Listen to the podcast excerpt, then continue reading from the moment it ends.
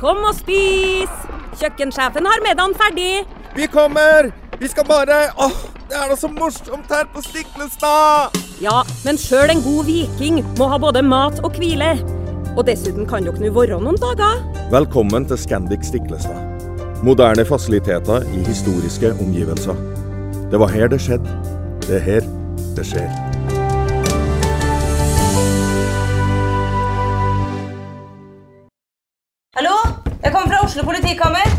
Ine Jansen er purk. Er du purk? The motherfucking bitch. Alt jeg vil, er å finne ut hva som skjedde med mannen min. Jon Carew. Er jeg sikta for noe? Iben Akeli. Det er du. Ole So, Lars Berrum og Big Daddy Karsten. Hvem sin side er du på, egentlig? Anette Hoff, Tone Danielsen, Kommer du fra Afrika? Jørnis Josef, Nesten. Kløfta. Trond Espen Seim, Det er synd å si det, men det var feil mann som døde. Purk. Premiere tirsdag på TV2 Play.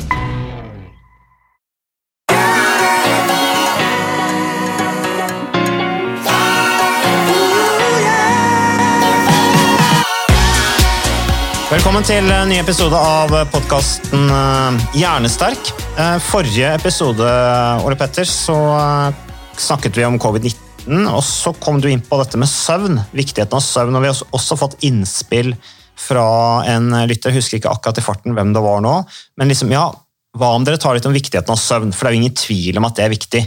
Eh, Og vi hører jo om en del suksessrike mennesker som liksom sover minimalt, eh, som skryter av at de ikke sover osv.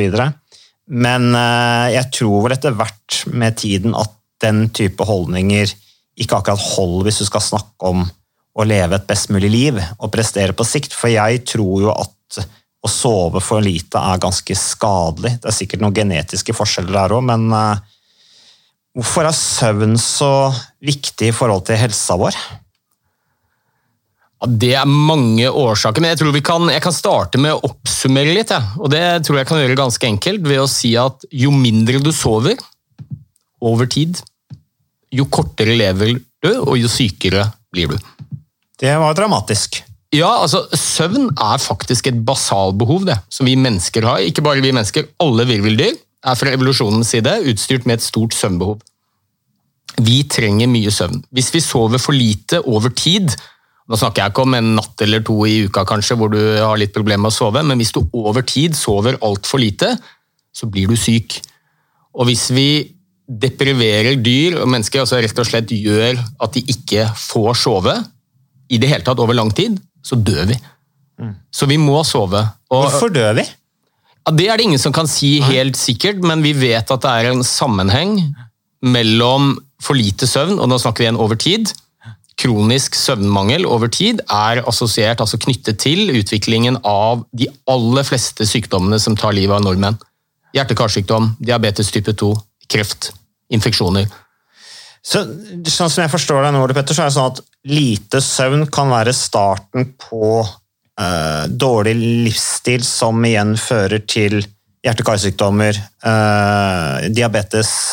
Eh, er det det, eller er det bare selve direkte effekten av for lite søvn? Ja, altså Søvnen i seg selv er veldig viktig. Vi vet at en del av de risikofaktorene for sykdom, f.eks. høyt blodtrykk, dårlig blodsukkerregulering, immunsystem ikke sant? Dette er jo de risikofaktorene som øker sannsynligheten for at du får f.eks. hjerte-karsykdom, diabetes type 2 og kreft. Det er tre viktige årsaker til død i Norge, og sykdom da, selvfølgelig. Og når du sover for lite, så stiger blodtrykket, du får dårlig blodsukkerregulering, immunsystemet ditt svekkes. Så jeg mener jo at kanskje søvn er det, den mest underkommuniserte livsstilsfaktoren som påvirker helsa vår. Både hvor godt vi lever, altså hvor friske vi holder oss, hvor lenge vi lever, men ikke minst funksjonsnivået i hverdagen. Og Det tror jeg de aller fleste har opplevd. Noen netter med veldig dårlig søvn. Du fungerer ikke spesielt bra, verken privat, sosialt eller på jobb. Altså Det påvirker alle kroppens organsystemer å få for lite søvn, og kanskje spesielt hjernen. Ja, jeg må innrømme at uh, i og med at jeg jobber som uh, sportskommentator, uh, og ofte hvis jeg blir dratt inn i en eller annen sak som jeg skal kommentere, og så har du kanskje ett minutt på ny, nyhetskanalen på TV 2, eller et eller annet, og så skal du du skal på en måte treffe med ordvalget da, for å ha mest mulig innhold i færrest mulig ord. Eh, og du skal holde tunga litt rett i munnen for hva du sier. Så tenk, jeg, jeg, sånn, jeg sånn, har litt sånn angstfylt forhold jeg, til å ikke få nok søvn. Eh, og jeg må jo innrømme at jeg har dårlig sovehjerte, for jeg våkner veldig lett. Sikkert fordi jeg har mange jern i ilden og er en sånn, litt sånn grublende person. Så hvis jeg våkner om natta, så har jeg en tendens til å ligge og gruble. For da er du litt uthvilt, føler jeg. Det er kanskje det som gjør at du da på en måte blir stimulert til å begynne å tenke over ting. Hvis det er ting, utfordringer du har, som du skal løse, det er høyt stressnivå og sånne ting, eh, så begynner du da å ligge og kverne på det, og så begynner du å se på klokka, og så tenker du oi, jeg våkna klokka fire, men begynner klokka nærmer seg seks, sju, da skal jeg stå opp. Hvordan blir den dagen her da? Jeg har litt sånn angstfylt forhold til det, men eh, hvor mange netter på rad på en måte eh, med dårlig søvn skal du ha før det er en helserisiko? Det er nok ganske vanskelig å si, men vi vet at voksne mennesker vi trenger i snitt, i snitt altså Det er store individuelle variasjoner. Noen trenger litt mindre, noen litt mer, men i snitt så trenger voksne mennesker åtte timer søvn per natt. Og det får vi jo ikke. Vi ser jo at en veldig stor andel av befolkningen sover mye mindre. Snittet er vel 1,5 time mindre enn 8 timer, altså 6,5 time. Og, og jeg mener selvfølgelig ikke at du bare parkerer tøflene og stryker med hvis du sover 6,5 time, men du fungerer dårligere i hverdagen, presterer dårligere på jobb, og du har en økt risiko for å bli syk. Jeg er ikke sikker du blir syk, altså det er mange som sover godt og ender opp med å dø, for det er mange forhold som påvirker helsa vår, selvfølgelig. Men jeg tror som sagt at eh, søvn er en av de mest undervurderte, og noe som vi eh, rett og slett bør putte høyere på prioriteringslisten vår når vi blir klar over hvor viktig det er for godt funksjonsnivå, helse. Og, og det er jo litt ironisk at vi mennesker vi er det eneste av virveldyrene på denne planeten som med viten og vilje frarøver oss selv søvn. Og jeg tror jo at en av de viktigste årsakene er at vi nedprioriterer det. Altså Det er rett og slett ikke høyt nok på prioriteringslisten vår. Nei, for det er jo så mye annet vi kan drive med. Ja, ja, selvfølgelig er det det. Og i dag kanskje mer enn noe annet. ikke sant? Dagene våre er stappfulle, og når klokka begynner å bli 10-11 på kvelden, så er det fint å sette seg ned og se på TV og spise litt og være sammen med familie og spille, for den saks skyld, ungdommer osv. Men ja, eh, og, og, og så er det nok et element i dette her også at det er nesten blitt litt sånn prestisje knyttet til det. Jeg har en del pasienter som, eh, når jeg begynner å snakke om søvn, så, så sier de at ja, men jeg trenger ikke så mye søvn. Jeg, jeg, jeg funker helt supert på fire-fem timer per natt. Og så sier de med en litt sånn skjult stolthet i stemmen, som om det var liksom et sånt eh, statussymbol. da. Harding. Ja, og det er jo i samfunnet ellers også. Jeg husker jo veldig godt hun Margaret Thatcher, tidligere statsminister i Storbritannia. Hun sa jo det 'Sleeping is for wimps'. Og all forskning som er gjort på dette, forteller oss ganske entydig det er ingen som presterer bedre på lite søvn. Det eneste du risikerer, det er å frarøve deg selv både helse og, og leveår, faktisk. Og dårligere prestasjon på det du driver med. Og um, Jeg pleier å si at søvn det er et basalbehov på lik linje med å spise. Og dette er jo Gjennom millioner av år med evolusjon så har vi et behov for å spise og vi har behov for å sove. Og så har vi behov for å reprodusere, men det bør vi ikke snakke om i dag. Nei. Nei, det tar vi, det en egen det, det tar vi en egen podkast. Jo, og så er det jo sånn at ok, hvis du spiser for lite, hva skjer da? Jo, da blir du sulten. Og da spiser vi. Vi er ekstremt gode til å lytte til de signalene. Vi lytter jo nesten litt for godt til dem. Altså, Vi spiser jo til og med når vi ikke er sultne. Ja, vi fyller på. Ja, ja og, og, og det er jo en av årsakene til at fedme og overvekt er blitt eh, et globalt helseproblem. Men når det gjelder søvn, så er det jo også sånn at sover vi for lite, så blir vi trøtte. Men ofte så ignorerer vi det glatt. ikke sant? Jeg er litt trøtt, men ja, ja, da gjør jeg noe annet, og så våkner jeg litt, og så istedenfor å gå og legge seg. Så jeg tror det er en av de viktigste tingene for eh, helsa vår, det er å få nok søvn. Og det starter med å putte det høyere opp på prioriteringslista. Men uh, vi har jo snakka om dette med folk som uh, har lyst til å komme i bedre form. Uh, de har gjerne helseutfordringer, og de ser at det med bedre, med, med bedre fysisk aktivitetsnivå, komme i bedre fysisk form gjennom regelmessig mosjon, det er jo en god start. Eh, men nå sier du jo at søvn er veldig viktig. Men hvordan kan fysisk aktivitet påvirke søvn? Fysisk aktivitet påvirker søvnen. Vi vet f.eks. at hvis du er i regelmessig aktivitet, så får du bedre søvnkvalitet. Når det gjelder søvn, så har vi flere faser med søvn. Lett søvn, dyp søvn, og det er spesielt den dype søvnen som er viktig for helsa vår. Og um, det vet vi fra studier, at hvis du trener og er i regelmessig aktivitet, så får du en større andel og bedre kvalitet på den dype søvnen. Mm. Hvorfor det? Er det? Altså jeg har en teori på det, Ole Petter, som er rent helt forenkla. Eh, I løpet av en dag med høyt stressnivå, altså nå snakker jeg ikke om fysisk aktivitet, men f.eks. høyt eh, stressnivå på jobb, eh, mye å tenke på, så opparbeider du deg en viss spenningsnivå i kroppen. Når du kommer deg ut, og, og det gjør at du føler deg sliten mentalt. ikke sant? Ref den podkasten vi hadde om du er for sliten til å trene. Men så kommer du deg ut, og da får du kanskje fysiske spenninger ut av kroppen. Uh, sånn at du blir fysisk sliten, du, men du får lada opp mentalt. Er ikke det litt det som skjer? Jo, det er litt av det som skjer, og det kan, kan nok forklares litt mer sånn detaljert på hjernenivå også, sånn rent kjemisk. Vi vet f.eks. at når du trener, så skiller du ut et signalstoff som heter GABA. Og Det er for øvrig det samme signalstoffet vi skiller mer ut av når vi tar sovemedisiner. Eh, det skiller vi ganske mye ut av når vi trener og løper. og Det er med på å hemme aktiviteten i det vi kaller bevissthetssenteret vårt, som sitter i hjernestammen bak i hjernen. Og det er jo litt sånn, Jo mer aktivitet du har i det senteret, jo vanskeligere er det å sove. Det senteret påvirkes av veldig mye lys, lyder. Det er derfor det er vanskelig å sove når det er mye lys, det er vanskelig å sove hvis det er fest i nabolokalet osv. Sanser i altså, ja. ja, altså Det er rett og slett et bremsende signalstoff. Reduserer mengden aktivitet i det senteret som gjør at du får sove. Mm, okay. Og så er det en del andre kjemiske stoffer, eh, bl.a. disse endorfinene kan være med på å påvirke dette. Men så er det, og det er verdt å nevne, eh, generelt sett så vil det å være i aktivitet, fysisk aktivitet, det vil bedre søvn. Med mindre du trener veldig hardt, f.eks. like før du skal legge deg. Du skiller jo ut en del andre stoffer også, som er oppkvikkende. Så jeg anbefaler folk at hvis du skal trene på kvelden, at du iallfall har et par-tre timer fra økten er ferdig til du skal sove. Mm.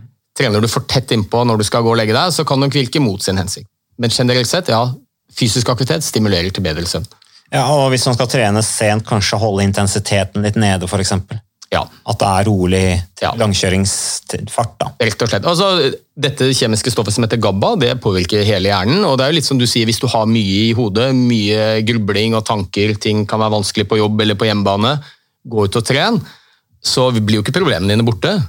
Men du ser på det i litt annet lys, og det blir litt mindre aktivitet i det, kall det grubleområdene i hjernen, da, som nok gjør det lettere å sove også. Mm, ja, Fysisk trening lindrer i forhold til mentale utfordringer. Ja. Eh, men eh, hvis du sover lite, da. Du er en eh, person som er glad i livet. Du lever høyt og koser deg, og så tenker du jeg må trene litt òg, men, men jeg er så sliten fordi jeg sover lite, og, men jeg skal prøve å gjøre det likevel så jeg skal være helt om natta, helt om dagen. Det kan jo umulig være noen god kombinasjon. Jeg sier til noen at liksom, ja, hvis du føler deg De sier at ja, treninga hjelper ikke, fordi at jeg føler meg fremdeles like trøtt og sliten. Og så spør jeg men sover du nok, da? Nei, de legger seg to hver kveld, liksom. Og så sier han da, da Treninga er jo ikke bortkasta av den grunn, men det kan jo gjøre at det kanskje blir litt tyngre enn det det hadde kunne blitt, da, hvis du hadde lagt deg litt tidligere om kvelden. Så motivasjonen for å trene, den, eller for å mosjonere, den øker vel ikke akkurat ved å sove lite? Nei, altså det ideelle er jo selvfølgelig at du får nok søvn, og du beveger deg en del. Men jeg tenker at det å sove lite og være trøtt, det er jo ikke noe i min bok i fall, ikke noe, eller i mitt hode, ikke noe argument for å ikke trene. Altså, Treningen er viktig uansett. Men det er klart at eh, hvis du sliter litt med å komme deg ut, dørstokkmila osv., så, videre, så vil jo lite søvn gjøre den dørstokkmila enda lenger. ikke sant? Du er trøtt og sliten, og det er ikke det du først og fremst tenker på. Så et lite grep som jeg ofte forteller mine pasienter, da, som sliter med å komme seg ut. De har lyst til å bevege seg mer, men kommer ikke over den dørstokkmila. Så sier jeg start med å sove godt. altså Få nok søvn, så vil du se at det er mye lettere å komme seg ut. Så det er jo ikke noe det er klart det er, noe, det er ikke noe farlig å gå ut og gå en hurtig gåtur eller sykle seg en tur eller jogge selv om du har sovet lite, men du får bedre effekt av treningen også hvis du har sovet nok. Og så er det lettere å komme seg ut. Mm. Så det beste er jo som sagt å få nok søvn og få trent. Men det er mye lettere å få trent hvis du har sovet nok. Balanse i livet som dette. Men uh, dette her med lite søvn, da. Uh, noen uh, som jeg har snakket med, de sier jo ja, jeg har sovet så lite, så jeg, eller jeg har sovet så dårlig siste, så jeg har prioritert å sove istedenfor å mosjonere. og da liksom, ja, de prioriterer det ene fremfor det andre. Er lite søvn en god grunn til å stå over regelmessig mosjon eller fysisk trening? Nei, altså er det et dilemma, liksom? Nei, men Du kan tenke deg at du har flere byggeklosser da, du må sette sammen for helsa di. Søvn er én, fysisk aktivitet er en annen, kosthold er en tredje, sosial omgang osv. Og det er klart at Hvis du mangler den ene byggesteinen, du sover for lite, så hjelper det ikke å ta bort en ny byggesten og være inaktiv. Så uh, klart, Hvis hovedproblemet ditt er at du sover for lite, og, så bør du jo gjøre noe med det først. Mm. Så rett og slett prioriter å sove mer, og da vil du nok se at det er lettere å komme seg ut også. Men hvis du sover for lite og fortsetter med det, så hjelper det jo ikke noe å kutte bort den fysiske aktiviteten. Tvert imot, da har du fjernet to av byggestenene i grunnmuren din da, for helsa di. Ja, for hvis du skal bli kvikkere altså I perioder hvor jeg har sovet lite, og så har jeg kanskje hatt en helg da, hvor jeg har fått en anledning til å sovne på sofaen, så sovner du jo ofte veldig tungt ikke sant? av ren utmattelse. For det har gått i ett du har vært stressa, du har sovet for lite, du er dønnsliten, det er endelig søndag, du slipper opp, og så sovner du som en stein på tross av at ungene leker rundt deg, TV-en står på fullt sant, med sport, men du bare sovner som en stein, og du kan sove tungt, og så våkner du, og så er du helt grogga, du kan bare sove og sove og sove og sove. Da vil det vel være i hvert fall har jeg den erfaringa at når jeg da først kommer meg ut, får en, eller får, får komme opp på sofaen, får meg en espresso og kommer meg ut og jogger, eller hva det måtte være, så har jeg jo ekstremt høy kvalitet på resten av dagen. da. Ja.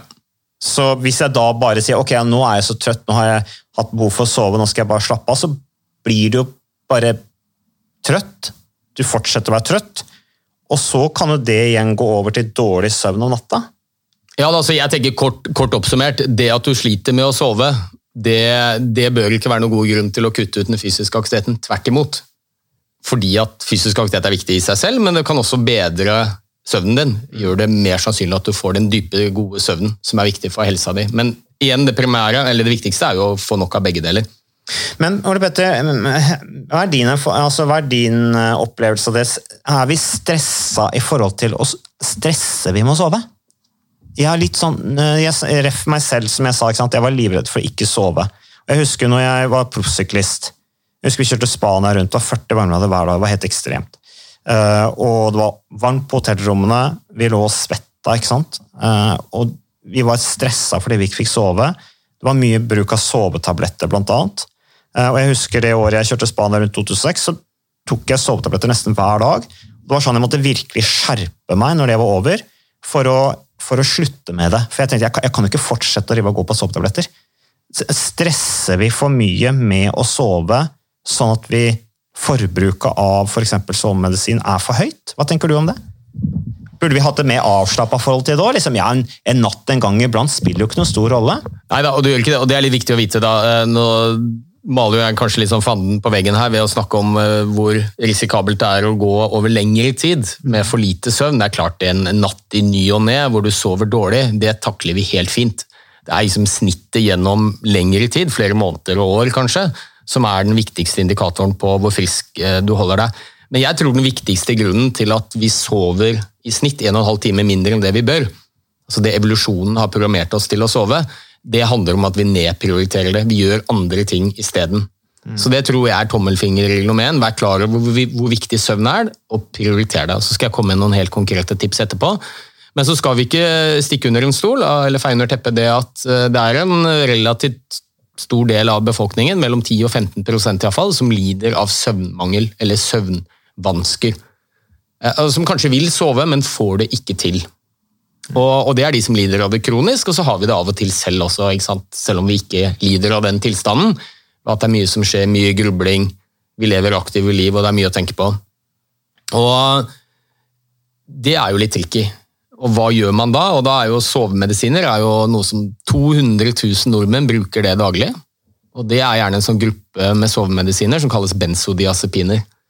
kan jo nevne noen navn. Imovane, Stilnoct, ja, Sopiklone De har forskjellige eh, navn, disse her. Og de, de kan være veldig effektive i kortere perioder hvis man eh, har akutt søvnmangel. Det kan være vanskelige ting som har skjedd. Skilsmisse, miste jobben, ha mye grublerier. Så kan de være nyttige i en kortere periode. Men de er ikke noe spesielt heldige å bruke over lang tid. En fordi at de mister litt effekten, og så må du hele tiden øke dosen. De er veldig vanedannende. Eh, og så er det en annen ting også, de gir en slags kunstig søvn. Fordi de, på fagspråket så heter det sedere. Jeg har ikke noe bedre norsk ord på det. Det vil si at de, de får oss til å sove, men du får ikke den dype søvnen. Som er spesielt viktig for helsa. Så over tid så vil ikke disse medisinene være noe gunstig å bruke. Og så er det restriksjoner i forbindelse med bilkjøring osv. Så, videre. så Så for de som lider av kronisk søvnmangel, så er det sjelden at medisiner er den beste løsningen. Nei, det er jo ref, jeg husker den eh, podkasten om ADHD òg, så snakket vi om hvordan effekten av medisiner avtar over tid. Og sånn vil det også være. Ukas annonsør det er uh, HelloFresh. Og uh, hvis du nå går inn på hellofresh.no og bruker koden 'fresh hjerne', så kan du få opptil 1779 kroner rabatt på da de fem første matkassene dine hvis du ikke har prøvd HelloFresh enda. Og Ole Petter, vi er jo glad i HelloFresh i podkasten Jernsterk, selvfølgelig fordi at de er en annonsør. De er med og bidrar til å spre det glade ordet om fysisk aktivitet og god helse. Men i tillegg så har jo vi også nå lang erfaring med HelloFresh selv. Så vi må jo si at det har vært gode erfaringer til nå. Ja, absolutt. Visste du Mats, at HelloFresh det er faktisk verdens ledende matkasseleverandør? og Tilbudene til HelloFresh gjør det enkelt å lage gode og varierte retter som skaper matglede. Og matglede vet du, det er like viktig som hva du putter i munnen. Det å spise mat med folk du trives med. Så gjennom 25 nye og inspirerende retter hver uke så bidrar HelloFresh til dette. Du kan bestille ekstra porsjoner om du får gjester, eller hoppe over uke hvis du f.eks. skal bort. Mm. Og Det er ingen bindingstid, og du velger leveringstidspunkt og dag selv, så leverer HelloFresh matkassen din akkurat når det passer deg. Ikke dårlig, Mats. Nei, det er veldig bra. Så, eh, og dette er med enklere hverdag, det kan jeg nå skrive under på. For nå, forrige erfaring vi hadde forrige uke, Ole Petter, det syns jeg var Det var jo et gjennombrudd eh, for familien Kaggestad. For da lagde rett og slett barna de lagde middag og serverte middagen, så den var ferdig laget og servert da når eh, min kone Marita og meg kom hjem fra jobb. Og jeg mener Det var jo bare helt utrolig. Eh, det var helt fantastisk. Det ble en nydelig middag. Riktignok de, de, de, de roter og søler litt, det gjør de. Så, men, men, maten ble veldig god. De var veldig stolte over å kunne å ha både laget og servert maten, så det var helt fantastisk. Så vi har jo da i det siste så har vi eh, spist eh, bl.a. sitron- og dillstekt hyse med ovnsbakte grønnsaker og aioli. Eh, vi har spist middelhavsinspirert kylling. Taco, så finnes det mange ulike typer taco. F.eks. vietnamesisk taco, som vi har spist. Thailandsk vegetargryte. Veldig riktig og sunt uh, i dagens uh, samfunn med, med, fokus på bærekraft. Hvitløk og chilistekte reker i spagetti, det var definitivt en vinner. Så det er så flott. Du får rimelig mat ved at du kun betaler for det du trenger, så det blir ordentlig feststemning med HelloFresh. Det gjør det, og nå er det bare for deg å gå inn på hellofresh.no og bruk koden 'fresh hjerne'. Da får du opptil 1779 kroner rabatt på de første fem matkassene dine hvis du ikke allerede har prøvd HelloFresh. Du kan også bruke rabattkoden hvis du har stoppet abonnementet ditt for tolv måneder siden eller mer. Er det noe å lure på? Håper maten smaker godt. Bon appétit! Med sovemedisin at du på en måte bare blir, Hvis du skal fortsette å gå på det, så må du gå på sterkere og sterkere. Og sterkere. Ja. Og til slutt, i verste fall, så begynner du på heroin. liksom.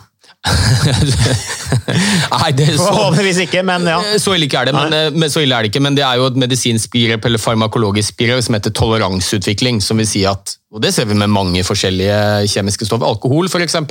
Hvis du aldri har drukket før, så skal det ikke så mye til før du blir berusa. Drikker du jevnt over tid, så må du hele tiden øke mengden med alkohol for å få samme ruseffekt. Og, og sånn er det med disse sovemedisinene også, at du må øke dosen over tid for å få samme effekt som du tidligere fikk av en lavere dose. Så lider du av kronisk søvnmangel, så viser det seg det i store studier at eh, den beste behandlingen det er rett og slett noe som kalles samtaleterapi, eller kognitiv atferdsterapi, hvor man gjerne går inn på kanskje årsakene til at man sover dårlig. For det kan være kroppslige ting, det kan være mentale ting, tilstander.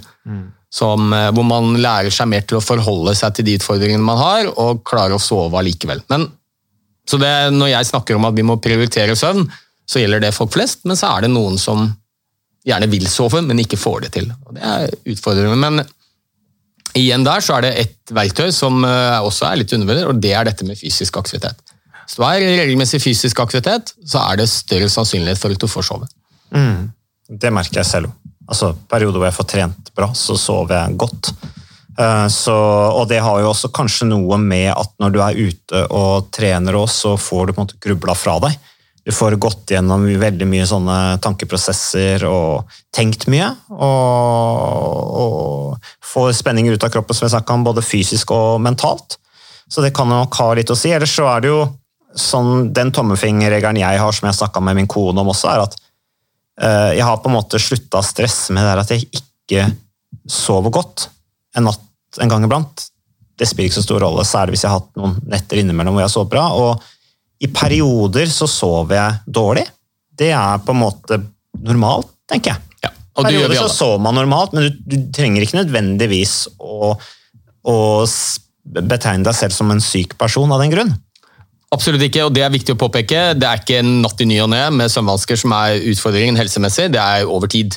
Sant? Hvor mye sover du i snitt over flere måneder, f.eks. Og så får jeg et spørsmål veldig ofte. Ja, ok, du sier at vi skal ha åtte timer per natt, men det er individuelle variasjoner. Hvordan vet jeg om jeg får nok søvn selv? Så det, for det, har vi jo ikke, det er ikke noe blodprøve du kan ta for å finne ut hvor mye søvn du trenger. Hva med kortisol og sånn, da? Har det noe sammenheng med dårlig søvn? Altså stresshormon? Ja, det er klart Hvis du skiller ut mye stresshormoner, adrenalin, noradrenalin, kortisol, så hemmer det søvn. Så stress er uh, søvnens fiende. Absolutt. Men eh, en sånn enkel tommelfingerregel, hvis du lurer på om du får nok søvn, det er å svare på følgende spørsmål. ikke sant? Våkner du av deg selv på morgenen, eller må du ha en vekkerklokke for å våkne klokka åtte hvis du skal på jobb klokka ni, eller klokka sju hvis du skal på jobb klokken åtte? Må du ha en vekkerklokke? Må du ha kjemiske kjemisk drahjelp på morgenen for å våkne med koffein, nikotin f.eks. Eller at du har familiemedlemmer eller kolleger på jobben sier 'nå ser du trøtt ut'.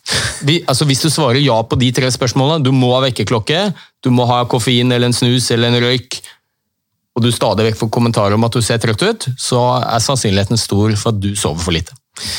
Blå ringer under øya Yes. er jo et godt signal på for lite søvn. Eh, også jeg har I familien min, i Kaggestad-familien, så har vi en tendens til å blø neseblod hvis vi sover for lite. Jeg syns det er rart, men kan, har det noe, kan det forklares på noen måte, eller? Ja, nå må jeg hypotisere litt her, for dette, altså, dette vet jeg ikke. Men det er en potensiell sammenheng der, fordi vi vet at lite søvn øker blodtrykket. Så sover du for lite, så får du høyere blodtrykk. Og så har vi noen blodårer som sitter i neseskilleveggen, som er veldig sarte og som ganske lett kan sprekke, iallfall hos enkelte mennesker. Og hvis blodtrykket er høyt, så vil de lettere sprekke. Men jeg vet Og ikke om fysisk aktivitet gir lavere blodtrykk. Oh, ja, Ja. det gjør det, vet du. Så, eh, så der har du enda en grunn, enda en sammenheng. Men eh, bare en siste ting. Jeg jobber med et par bedrifter som eh, har en del arbeidere som driver med nattskift. Ja. Har du noen erfaring med det, og i forhold til Vi vet jo at det er krevende på mange måter, helhetlig. men kan fysisk aktivitet på en måte anbefales folk som jobber nattskift? Jeg vil jo anbefale fysisk aktivitet til alle, jeg. Det vet du jo. Ja. Så ja, Det var altså, igjen et dumt ledende ja, spørsmål ja, men til du, det er jo Men kan det være at noen av lytterne våre tenker liksom, ja, men jeg jobber jo nattskift, så for meg så blir det krevende å få tid til å trene, og det gjør det jo ekstra komplisert. fordi at du kan jo bare forestille deg en person som jobber nattskift, og så er kanskje resten av familien er jo, de er jo programmert inn på dagtid. ja. Så det er noe med tiden man får sett hverandre og i det hele tatt, og så er det det å prioritere. Men uh, igjen, det vil jo ha en spesielt gunstig effekt, tenker jeg, på folk som jobber om natten og mosjonere. Ja, Vi vet jo at de som er turnusarbeidere, skiftarbeidere, nesten alle sliter med søvn. Og Det er jo ikke så veldig rart, de snur jo døgnet. Eh, altså, det er jo noen som jobber vekselvis. Noen ganger jobber de i dag, noen ganger jobber de i natt. og Det er jo det aller mest utfordrende. Fordi at vi har jo eh, noen signalstoffer i hjernen som skilles ut når vi skal sove.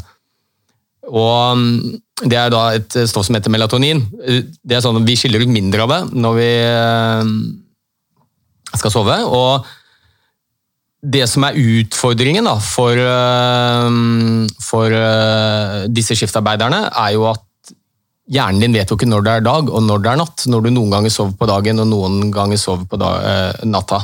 Sånn at Verdens helseorganisasjon har jo faktisk kategorisert skiftarbeid som et karsinogen, altså et kreftfremkallende stoff. altså kreft, økt, Som gir økt kreftrisiko.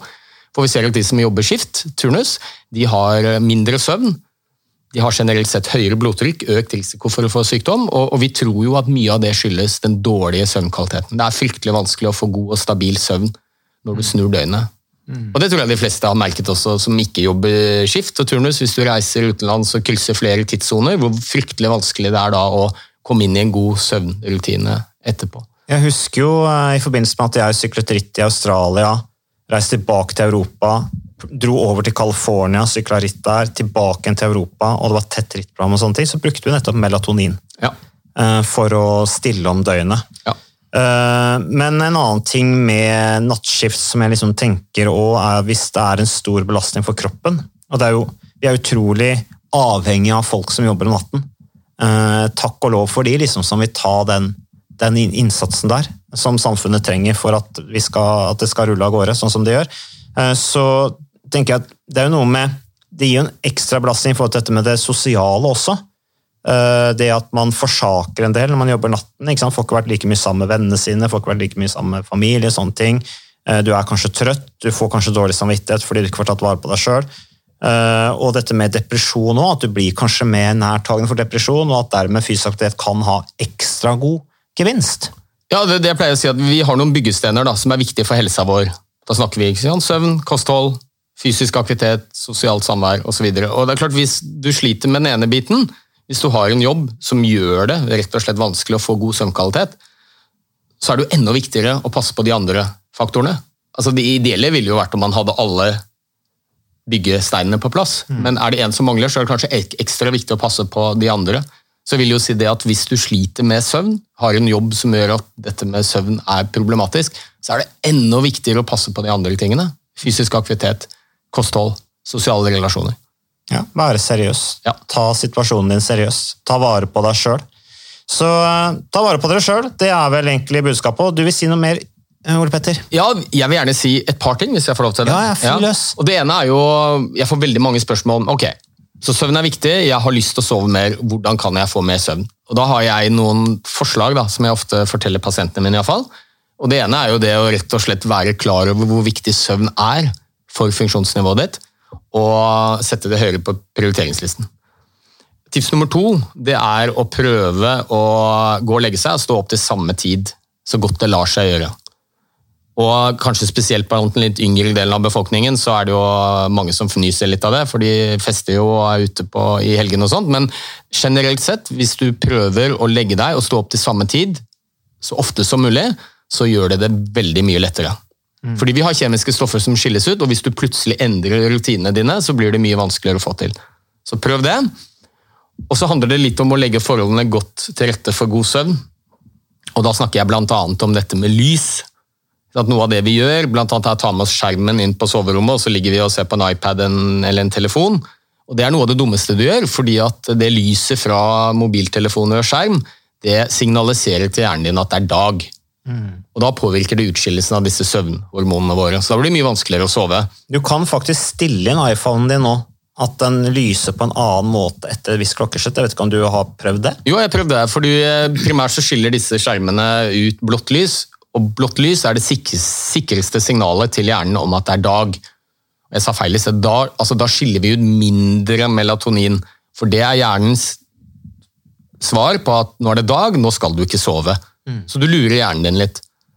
Hvis du isteden stiller inn, telefonen din med et enkelt grep, så du får mer av det røde lyset, så er det et signal om at det er natt. Og Det er litt fancy og synes jeg er litt morsomt, da, for det er jo hjernen din tolker rødt lys som bål. Bål er det eneste naturlige røde flammer. Ja, for Og flammer er jo ofte noe du eh, i fall gjennom tiden har sittet rundt et lærbål på, på kvelden. Så rødt lys, signal til hjernen om at det er natt, da skiller du ut mer melatonin, det, lettere å det sove. er evolusjonen. Det er evolusjonen. Så hvis du bare hvis du lider av det vi kaller FOMO Vi er jo så gamle at det er jo ikke naturlig begrep. Alle unge mennesker vet hva det betyr i dag. Fear of missing out. At du bare må ha med deg det siste som har skjedd på Facebook eller Instagram før du legger deg. Så skift iallfall til rødt lys.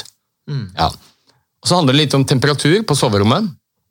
Eh, Når vi skal ha den dype søvnen, så synker kroppstemperaturen vår halvannen grad cirka. Da kan vi hjelpe litt til med å senke temperaturen på soverommet. Jeg tror de aller fleste har opplevd at det er lettere å sove når det er litt kjølig, enn når det er litt for varmt. Og de aller fleste har det for varmt på soverommet. Soverommet bør holde 18-19 grader. Noen grader lavere enn resten av huset. Så det er viktig for å få den gode og dype søvnen. Og så bør man unngå um, disse stimulerende substansene eh, før man legger seg. Om kaffe, eksempel. Ja, og det er jo Veldig mange drikker kaffe. Jeg gjør det selv, i bøtter og spann. Om kvelden også, Ole Petter? Nei. Og eh, for koffein, som jo er det virkestoffet vi er ute etter i kaffen, for øvrig verdens mest brukte rusmiddel, er koffein. Det, det har veldig lang halveringstid. Det vil si at det tar lang tid å bli kvitt det etter at du har inntatt det. Så jeg pleier å si at hvis du legger deg klokken 11, så bør du iallfall ikke drikke kaffe etter klokken 3. Nei, jeg drikker ikke kaffe etter klokken seks. Og, ikke sant? Ja. Men, Det er på grensa, tror jeg. men da har du fortsatt en del koffein i blodet ditt som gjør det vanskeligere for deg å sove. Så for de som drikker mye kaffe og har problemer med å sove, så pleier jeg å si at ideelt sett så burde du faktisk ikke drikke det noe særlig etter klokken tolv. Midt, midt på dagen, altså. Og yngre mennesker som drikker energidrikker, har mye koffein i det også, så det er ikke bare kaffe. Men alle sånne energidrikker. Faktisk eh, relativt en stor utfordring for mange. Høyt sukkerinnhold òg. Ja. Og um, det er vel kanskje de aller eh, viktigste rådene jeg har for å få, for å få god søvn. Så tenkte jeg skulle si én ting til, for det er det veldig mange som spør meg om. Og det gjelder dette med, um, med overvekt og søvn. Ja. For det er det ikke så mange som vet. At det er en nær sammenheng mellom hvor mye du sover og hvor mye du veier. Altså, Kort fortalt, jo mindre du sover, jo mer spiser du.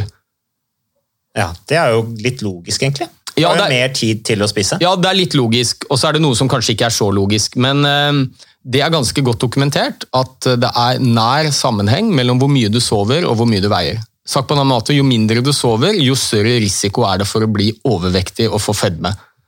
Og Noe av det skyldes nok rett og slett det at du, uh, jo mer du er våken, jo mer tid har du til å spise. selvfølgelig. Mange spiser mye på kvelden. Ja, og Særlig hvis du går ut på byen tidligere og så tar du deg en Ja, ja. kebab klokka tre om natta. så... Så et, et av rådene jeg har til mine pasienter som ønsker å gå ned i vekt, det er å legge deg tidlig. Da har du færre timer hvor du kan sitte og spise. Men det er, men det er eh, noen andre årsaker som kanskje er enda viktigere. Og det er jo at eh, Evolusjonsmessig så har vi flere forskjellige kjemiske stoffer som påvirker appetitten vår. Og Det ene heter leptin, og det er et eh, metthetshormon. Sånn at når du eh, skiller ut leptin, så føler du deg mett. Og så har vi noe som heter grelin, som gjør deg sulten. Og når du sover for lite, så skiller du ut mindre leptin, altså du, blir, du får mindre metthetsfølelse, og så skiller du ut mer grelin, dvs. Si du blir mer sulten. Så du får en slags dobbeltstraff. Den hemmingen av appetitten som du skulle fått, den kommer ikke, og så blir du mer sulten i tillegg. Så dette er uavhengig av kostholdet.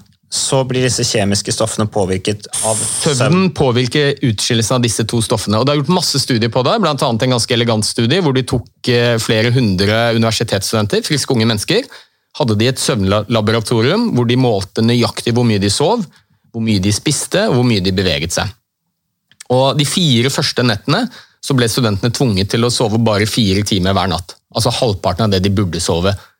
Og så, målte, og så hadde de fri tilgang på mat på en buffé. Frokost, lunsj og middag, og så så man hvor mye de spiste i løpet av et døgn. Og så, de siste fire nettene, det skulle være der åtte dager, så sov de åtte timer per natt. Og så målte man hvor mye de spiste når de sov fire timer versus når de sov åtte timer. Og Da viste det at det var 300 kilokalorier de spiste ekstra de nettene de sov lite. Og Det utgjør ganske mange kilo i løpet av et år. Og så viser det seg også at det er ikke bare det at du spiser mer, altså flere kalorier når du sover lite, men du spiser også flere usunne kalorier. Og Det tror vi har med at det er noe som heter endobinokanoider. Det var et veldig vanskelig ord. Ja, det er veldig ord. vanskelig Jeg er ord. imponert over at du tar det sånn på strak arm. Ja, du sitter og øvd eh, hele dagen før du kom ned. Og Det er da kjemiske stoffer vi skiller ut fra hjernen vår, som er beslektet med disse stoffene du finner i eh, cannabisplanten. Altså hasj og marihuana. THC heter det. Jeg trodde du ble sløv av det. Tetrahydrocannabinol. Ja, det blir du sløv av. Men hvis noen av dere har prøvd disse stoffene, behøver ikke å si at dere har gjort det, men, eh, eller kjenner noen som bruker cannabis, så vil dere vite at mange av de snakker om munchies. Altså de får veldig lyst på søtsaker. Så vi vet at disse endobinokanoidene de, de er viktige for å stimulere til eh, søthunger. Så disse studentene som da sov lite, det var ikke bare det at de spiste flere kalorier, men de valgte heller kaker og søtsaker istedenfor annen type mat. Så kort oppsummert, jo mindre du sover, jo større sannsynlighet er det for at du får i deg både flere kalorier og usunne kalorier. Vi snakka forrige podkast om eh, covid-19 og om Storbritannia som satte inn tiltak for å redusere vekten til den britiske befolkningen. Eh, Kanskje et av de beste tiltakene de burde gjøre, er bare å stenge da TV og nettbruk etter klokken ti om kvelden? da? Eller elleve? Ja, ja. Ja altså, men jeg tror virkelig det at eh, dette er et av de mest underkommuniserte og undervurderte tipsene for god helse. Det er å få nok, nok søvn. Det påvirker absolutt alle kroppens organer. Det organet som påvirkes aller mest når vi sover, det er hjernen vår. Og Det er ganske ny forskning. Det ble oppdaget i 2012. Så oppdaget man rett og slett at vi har en liten vaskemaskin i hjernen vår som skrus på om natta. Fordi alle cellene våre i hele kroppen de lager avfallsstoffer som en naturlig biprodukt av at vi bruker oksygen for å lage energi. Så er det en del biprodukter, avfall, som vi må kvitte oss med. Og kroppen vår det har noe som heter lymfårer, som tar bort disse avfallsstoffene. Så skilles det ut i blodet, så går det gjennom nyrer og lever, og så skiller vi det ut. Men hjernen har ikke lymfårer. Så lenge har man lurt på hva, hvordan klarer hjernen å kvitte seg med avfallsstoffer. Hjernen er jo det mest metabolsk aktive organet vi har, altså har hørs, høyest energiforbruk i hele kroppen. Og Så viste det seg i 2012 at man oppdaget at det er en væske som flyter rundt i hjernen. Den har man kjent til i tusenvis av år, men det som viser seg er at den begynner å pulsere på natta og skylle gjennom hjernen og ta bort avfallsstoffene. Fantastisk. Ja, og Blant annet så vet vi at eh, hukommelsen vår er helt avhengig av god søvn. Vi har nemlig noe som heter konsolidering, hvor de tingene vi lærer på dagtid, og som da forhåpentligvis skal formes som permanente minner som vi kan bruke resten av livet, det skjer mye på, dagen, nei, på natta. Andre altså Denne vaskemaskinen er utrolig viktig, og den slås på om natta, ikke på dagen. Hm. Og Det påvirker alt fra hukommelse, kreativitet, evnen til å tenke, planlegge, gjennomføre oppgaver. Altså fungere i hverdagen. Og så vet vi at eh, hvis vi får for lite søvn over tid, så øker det bl.a. risikoen for en del hjernesykdommer. Hjerneslag, og kanskje spesielt demens. For det er noen avfallsstoffer vi lager som heter beta-amyloid, som er et protein. Det tror vi er en av de viktigste årsakene til at noen utvikler demens. Det blir for mye av disse avfallsstoffene, og de skylles bort av denne vaskemaskinen i løpet av natta. Kjempeinteressant. Apropos demens, det kommer vi tilbake til i en annen episode, eh, som vi jo må snakke om. Eh, men eh, nei, det var utrolig Det er viktig at vi sover. Det kan vi enkelt og greit oppsummere. Så rett og slett gå og sov.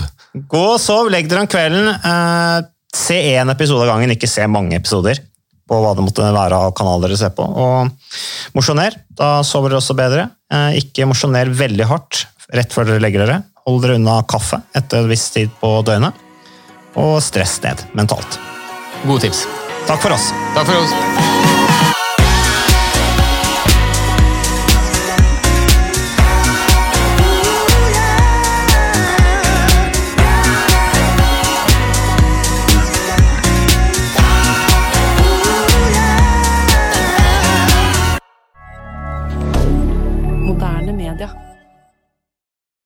Har du et enkeltpersonforetak eller en liten bedrift?